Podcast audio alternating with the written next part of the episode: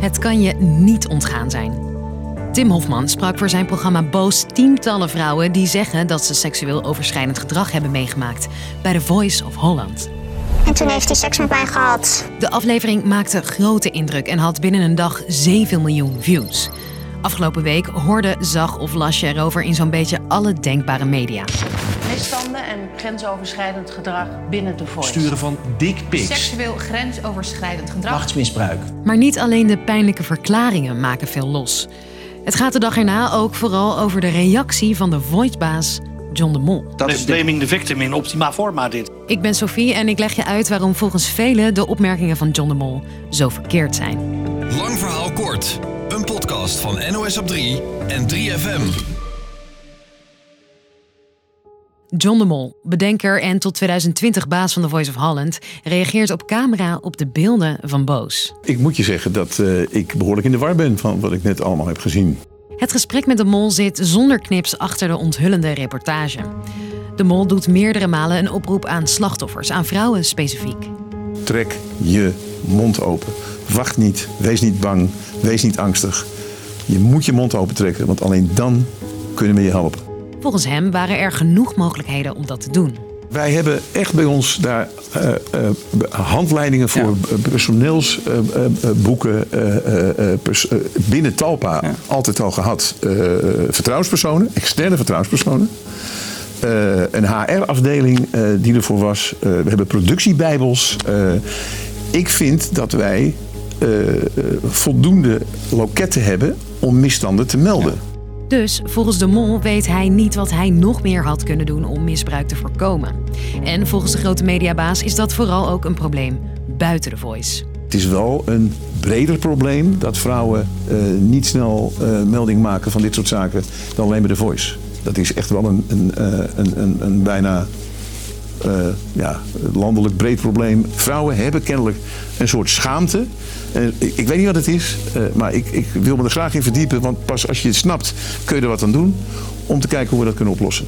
Aan grensoverschrijdend gedrag kan pas iets gedaan worden als slachtoffers zich melden, zegt hij. Een dag na de reactie van John de Mol staat er in het AD een pagina grote advertentie met de woorden: Beste John, het ligt niet aan de vrouwen. Groet de vrouwen uit je bedrijf. Een groep vrouwen die bij Talpa werkt zegt teleurgesteld te zijn dat de mol vrouwen en slachtoffers oproept actie te ondernemen, in plaats van dat hij de daders aanspreekt op hun gedrag. Hij toont zich volgens hen nauwelijks bewust van de optie dat de cultuur misschien wel niet veilig genoeg was om een melding te maken.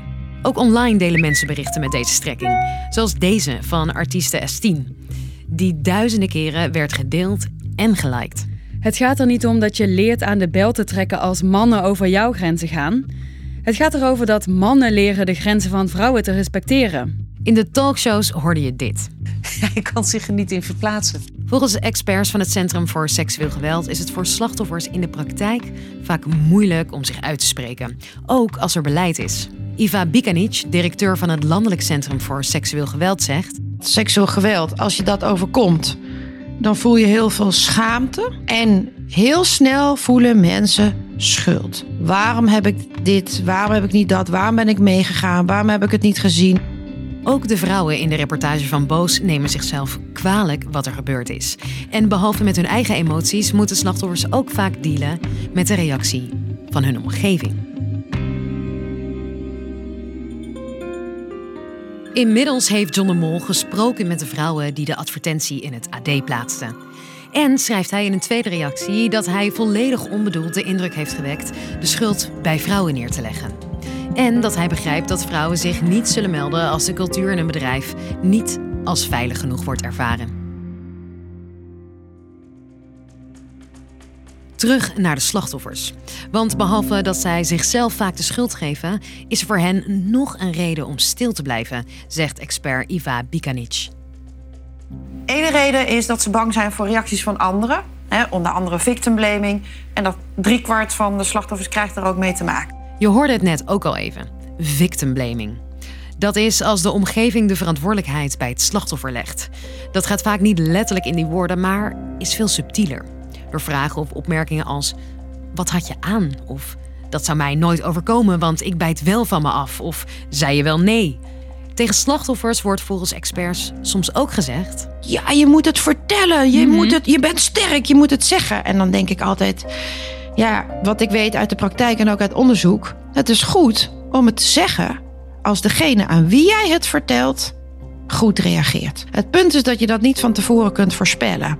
reageert iemand met: Je had nee moeten zeggen of nou, ik kan het me niet voorstellen, dan draagt dat volgens trauma-experts bij aan het onterechte schaamte- en schuldgevoel. Victimblaming is kwalijk, zegt Bikanic, omdat het het moeilijker maakt om met verhalen naar buiten te komen en dat het een groot verschil maakt in de verwerking. Dus, lang verhaal kort. Behalve op de gang van zaken bij The Voice is er ook kritiek op de reactie van mediabaas John de Mol. Hij zei dat het probleem is dat vrouwen het niet durven te melden als ze worden lastiggevallen.